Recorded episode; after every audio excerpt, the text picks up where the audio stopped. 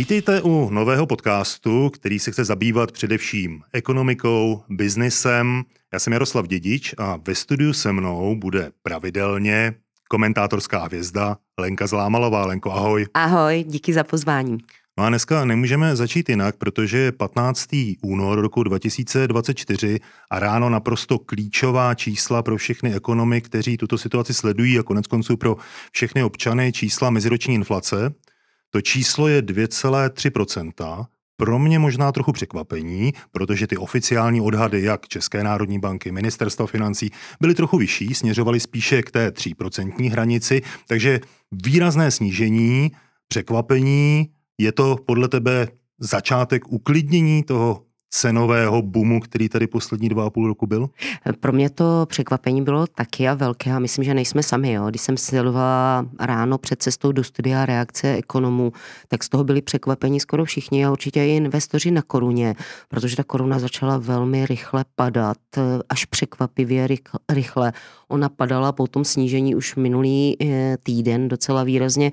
25-50, to si myslím, že nejsou úplně něco, na co jsme zvyklí při zahraničních cestách přepočítávat počítávat. Já nevím, jak ty, já jsem počítala 24 poslední je to, dobou. Je, je to skutečně tak, možná jenom vysvětleme, proč tomu tak je, protože investoři předpokládají, že ty úroky, které Česká národní banka určitě budou dále klesat a ten odliv koruny směrem tam, kde ty úroky budou vyšší, může být ještě masivnější. Mm, pravděpodobně, byť ty sazby stále zůstávají jedny z nejvyšších v Evropě. Evropská centrální banka 4,5%, nakonec i ve Spojených státech jsou 5,5% sazby. Samozřejmě Maďarsko má vyšší sazby, protože to inflaci mělo ještě dramatičtější. Ale k tvé otázce, jestli je to uh, začátek nějaké Uklidnění. éry klidu po éře skutečně jako rekordní inflace, no jsou tam pořád vidět eh, některé silné trendy, eh, kde ty ceny rostou. Ceny energií stouply o 13% meziročně, což je vlastně zajímavé, že navzdory tomu je ta inflace tak nízká. To znamená, že v jiných věcech Jiné ty věci klesaly. Eh, výrazně klesaly například potraviny, kde se... Oblečení klesalo Oblečení výrazně. a to se myslím dostaneme k těm důvodům. A já si myslím, že právě ty ceny energií budou ta nejméně vyspytatelná část.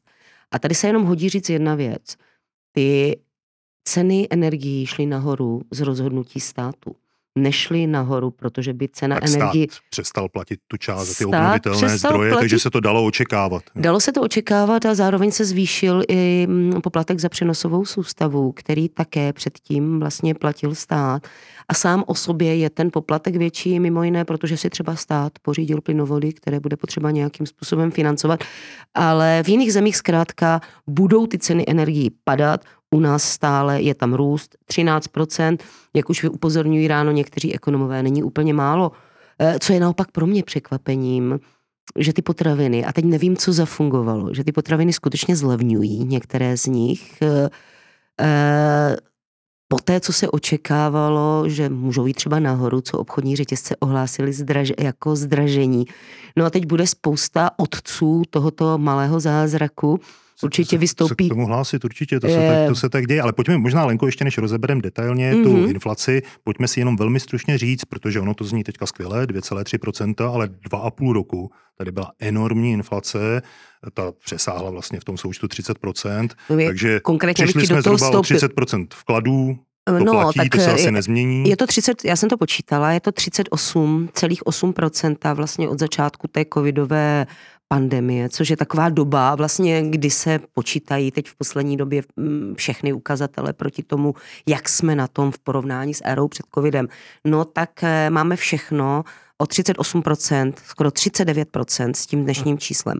To máme dražší. A komu nevstoupil, je to úplně jednoduché, komu nestoupil plát, aspoň o stejné procento, což průměru Taky ani náhodou. Re- reálné mzdy skutečně takto nerostly, prostě ta inflace byla vyšší, nicméně ten závěr k tomu to asi může být, že skutečně teď ty 2,3% může snad znamenat uklidnění, toto už se asi nevrátí, cenová hladina neklesne před rok 2021, tuším polovina roku, kdy ta vysoká inflace začala, to je, to je realita. Pojďme možná ještě, Lenko, si zmínila Českou národní banku, která bude teďka v těžké situaci, jak bude rozhodovat dál. Ona už dopředu avizovala, že dále bude ty úroky snižovat. Zajímavé je, že zatím centrální Evropská banka tak to nečiní, nečiní tak jiné centrální banky v Evropě. Dokonce jsem někde četl, že na Novém Zélandu ještě ty sazby centrální banka zvýšila, tuším na 6%. jak si myslíš, že se zachová v tuto chvíli naše centrální banka, protože jsi zmínila to riziko s tou slabou korunou, která by mohla dále oslabovat?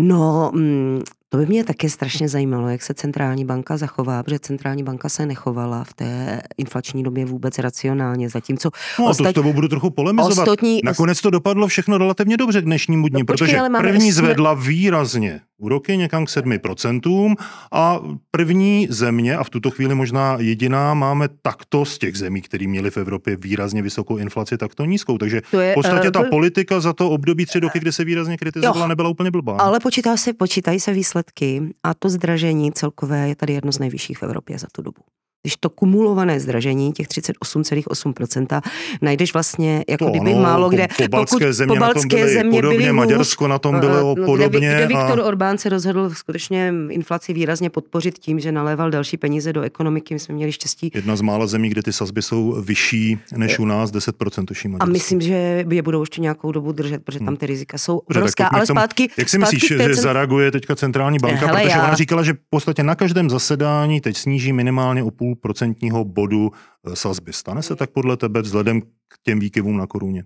E, já si myslím, že půjde dolů, kdybych eh, se sazbama, protože oni vlastně dlouhodobě jsou spíš, tam sedí holubice dneska. V té centrální bance dneska nesedí vlastně tam s výjimkou Tomáše Holuba, který bude končit. Nevidím vlastně žádného jestřába. Oni byli velmi opatrní se zvedáním úrokových sazeb e, a Oni mají velké předporozumění pro potřeby firem a to, že ty vysoké úroky jako dusí, nakonec s touto politikou tam Aleš Michal nastoupil. Eh, ptážli se mě jako analytika, jestli to půjde dolů. Já si myslím, že půjdou dolů. Nakonec už na tom minulém zasedání jeden z členů bankovní rady chtěli dokonce o 0,75% dolů.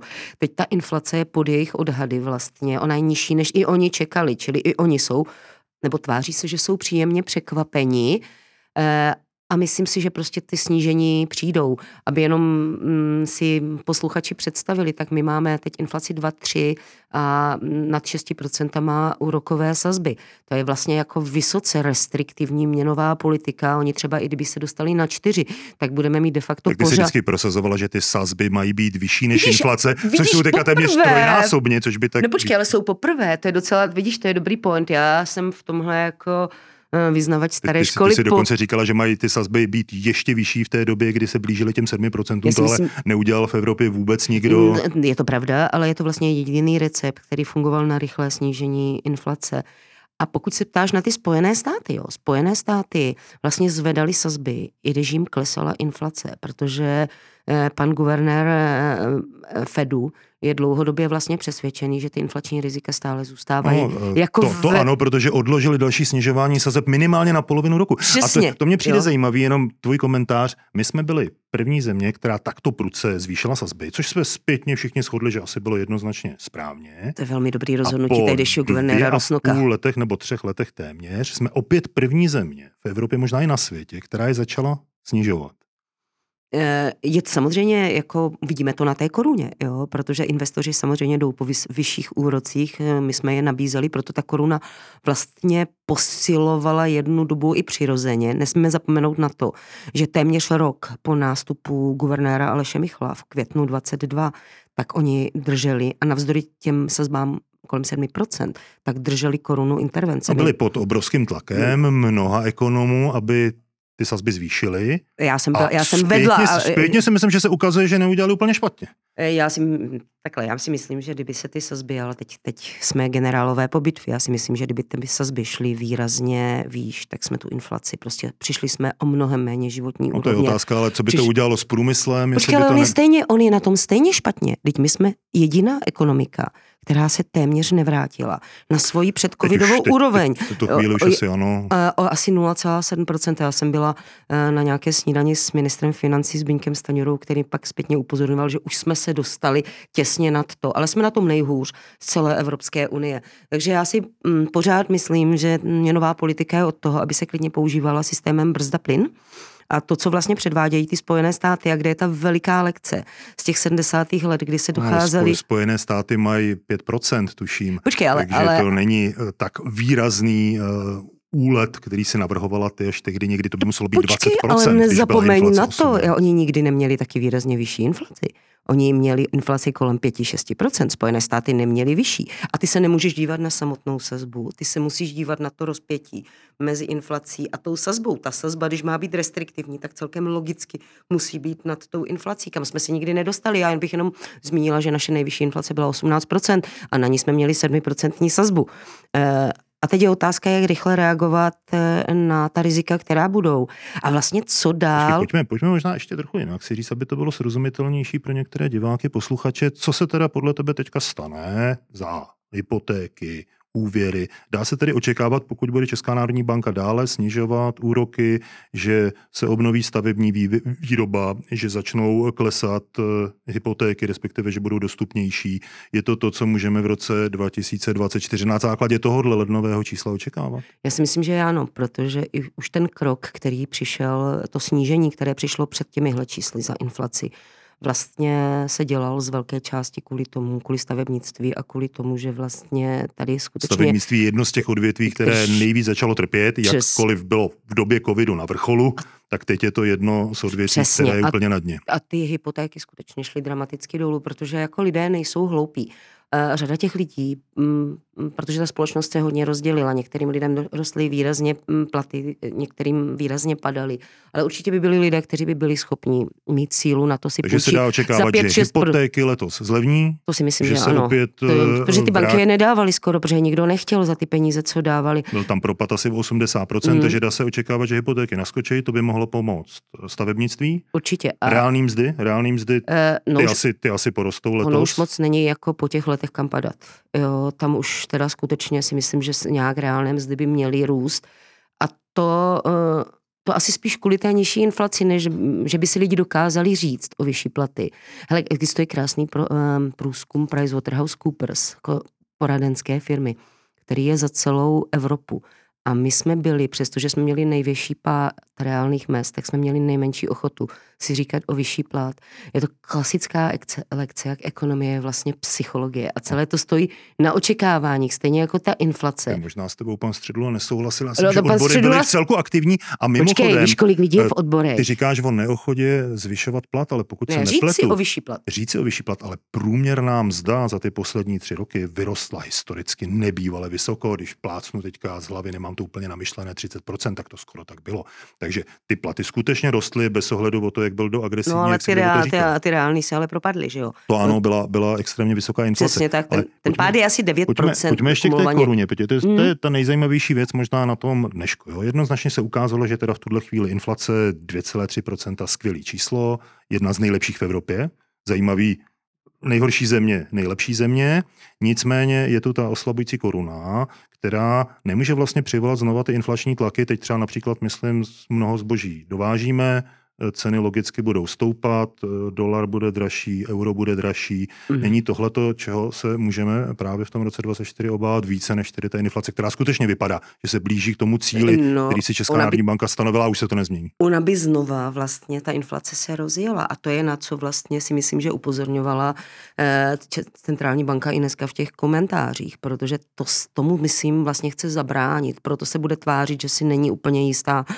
jestli půjde dál se sazbami dolů, protože tu korunu by Trošku, to... trošku naznačila viceguvernérka České národní banky, že pokud ta inflace nebude na tom inflačním cíli 2% a dále tam nebudou silné pohyby měnového kurzu, tak o tom případně neuvažuje. Takže ty si myslíš, že to je signál právě, aby nedocházelo k takovým To výkyvám na té si koruně? myslím, že ano, protože ten odliv jako je přirozený. Pokud se a ten, eh, to setnutí té úrokové sazby bylo výrazné.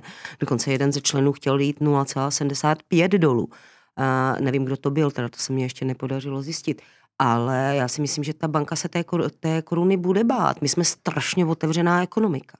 Budou, Teďka- začnou nám tady křičet exportéři. A mimo jiné, jo, tím, že nám tady prezident Pavel hodil takový šrapnel do té debaty. Tak exportéři, ty nemusí křičet, ty se můžou radovat. Eh, ne? v podobě, v podobě eura, jo, tak eh, si myslím, že eh, může být zase velká debata. No, že ty exportéři jsou zároveň importéři, často nezapomínej na to, že my jsme taková ta průtoková součástková ekonomika do značné části. Oni něco dovezou, něco přivezou, jo. Pojďme možná ještě, Lenko, říct tuhle chvíli, protože chceme zvládnout formát zhruba do 20 minut času Povídání máme hodně, ale času málo. To nejsme sami v tuhle chvíli si myslím, že bude mnoho těch, kteří budou říkat, tak jsme to zařídili. Samozřejmě centrální banka bude první a možná i po zásluze, protože skutečně ty kroky zpětně, aspoň z mého pohledu, dávaly určitou logiku. Na druhé straně bude nepochybně vláda, která bude říkat, my jsme udělali úsporný balíček, i ten přispěl a v tom má taky kus pravdy k tomu, že se inflace snížila. Kdo tedy podle tebe pomohl nejvíce tomu, že máme v tuto chvíli jednu z nejnižších inflací v Evropě. Jsi strašně pochvalný k centrální bance, já patřím k jejím největším kritikům, tak aspoň spolu nesouhlasíme. Já si myslím, že těch 38,8% krásně na tebe funguje ten optický klam. No tak asi vláda něčím přispěla to, že po dlouhé době letos jsou výdaje navzdory tomu obrovskému schodku, aby jsme tady nech, ne, nechválili ten obří schodek, ale celkové výdaje. Psychologicky jednoznačně naznačila, vylepšil se rating, prostě ten tendence jo, ale k tomu ale, fakt, se ale, ale nominální výdaje států poprvé po strašně dlouhých letech klesly. Jo, a to je vlastně jako výrazný docela signál. Protože vždycky už jenom proto, že si navzdory tomu, že byla ta inflace, jo, tak vlastně klesly.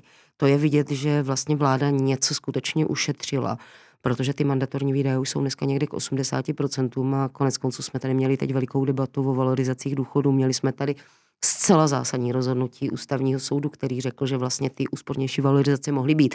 Takže určitě přispěla i vláda, no tak hlavně ale tomu přispěli občané tím, že přestali nakupovat. Já myslím, že základní, a nakonec to všichni v těch komentářích říkají, základní... O desetiprocentní propad. Jeden z největších podní... propadů uh, tržeb, ale tam se právě, a to si myslím, že je absolutně klíčové, a ty obchodníci najednou poznali, protože zase, tady se z toho dělá často účetnictví a politika ale ta ekonomie fakt je psychologie. Pokud ty mě nabídneš, že mě něco prodáš za stovku a já si to tři měsíce nekoupím, tak ty se asi zamyslíš nad tím, jestli bys mě to nemohl prodat na, za 80 a jestli těch lidí, kteří by si to od tebe koupili za 80, prostě nebude víc. A já si myslím, že v těch obchodech ta psychologie zafungovala. Klesají dokonce, klesaly nákupy potravin. Jo. Možná, možná máš pravdu, že my se bavíme, jestli Česká národní jo. banka, vláda, ale možná se nejvíc zasloužili lidé. No jednoznačně, tím, tím, a to je strašně důležité. Nejvíc, nejvíc v Evropě omezili nákupy, protože my jsme hmm. spořivý národ, začali jsme víc spořit, lidem se líbily ty úroky, jsme, počkej, co měli v bance. Mimochodem to jsme nezmínili, že ty asi poletějí teďka prudce dolů. No tak samozřejmě. Jo? Eh, takže, takže ty, ty, peníze, které jsou teďka na 6, 5, 4% tak to už asi takhle do budoucna nebude. Nicméně závěr, takže máme třetí pilíř, který tomu pomohl prostě uskromnění se lidí, což sice nepomohlo obchodníkům, ale, je, ale, ale jednoznačně pomohlo snížení inflace. Počkej, ale ten je naprosto zásadní, ale ono to má vždycky jako tu druhou stranu. To samozřejmě, když u tebe ty lidi nebudou nakupovat, tak eh, ty nevyděláš. A já si myslím, že to se samozřejmě odrazí v té stagnaci ekonomiky, kde největší část je právě ta stagnující spotřeba rodin, spotřeba domácností. A já si ale myslím, že to je jako vlastně zdravý chování a nic jiného. Nakonec nemůže tu inflaci nikdy zastavit, než právě jako rozhodnutí lidí. A tím teda je to hodně dobrá zpráva v tom, že se nám to zdražování jako neumys, neuhnízdilo v hlavě, tak jak jsem se obávala. Já celou dobu, a proto jsem centrální banku ostře kritizovala, já jsem se strašně bála, že se staneme zemí, kde se to stane nějakým novým normálem. A jak ty jsi řekl, my jsme spořivý národ, jsme, my jsme na ty inflace fakt nebyli zvyklí, to byl totální jako kdyby šok. A najednou Posled jsme... V 90. v 90. letech. Pojďme, pojďme ještě na závěr jednu zajímavou věc, protože za poslední 14 dní obrovská debata o euru. Euro, kdyby jsme měli euro, tak vysokou inflaci nemáme, což se jevilo jako logické nějakou dobu, většina zemí v eurozóně měla nižší. Teď najednou máme korunu a máme nejnižší inflaci v eurozóně, tak jak hele, to vidíš, Seurem? Hele, já vidím... Eh, Politické rozhodnutí. Já vidím eh, pleve, absolutní plevelnost té debaty. Já myslím, že teď by ekonomice ani dramaticky nepomohlo, ani neuškodilo. Kdyby jsme měli euro, ten výsledek by byl úplně stejný. Slovensko s eurem mělo vyšší inflaci nasčítanou. Nemluvím už o těch malých otevřených ekonomikách v pobaltských zemích. Francie s eurem měla jednu z nejnižších inflací. Takže euro nebylo tím, co rozhodovalo. A já si myslím, že že prostě euro se nepřijme v dohledné době, protože společnost je proti tomu, těch eh, navzdory. Možná tomu velké... vlastně pomohlo tohleto číslo té inflace, kdy se ukázalo, ano. že i s korunou jsme ji zvládli. Počkej, ale ono se hlavně ukázalo, že lidé zkousli i tu vysokou inflaci a pořád té koruně věřili navzdory tomu, co nám tady pan guvernér jako vyved, což bylo hrozně zajímavé. Já jsem se obávala, že jestli tady někdo pomohl k přijetí eura, tak to byl Aleš Michal s Milošem Zemanem. A ty lidi přesto věřili té koruně. Takže já si myslím, že to je prostě volební téma stanu který je tak lehce propojený s panem prezidentem, ti to tlačí v té debatě po eurobolbách, to myslím ustane, věř mě. Tak uvidíme, co bude dál. Dneska určitě zajímavý den vzhledem k inflaci a já myslím, že další téma, kterému se budeme věnovat nejenom my, bude to, co si ty zmínila. Zda nás v tomto roce relativně zřejmě již nízké inflace, to můžeme říct, nečeká ale stagnace, protože zatím ta čísla pro ekonomiku nevypadají úplně dobře a to si myslím, že bude důležité dále sledovat a může to být ve finále ještě horší zpráva než vysoká inflace. To na to přesně navazuje. Takže díky.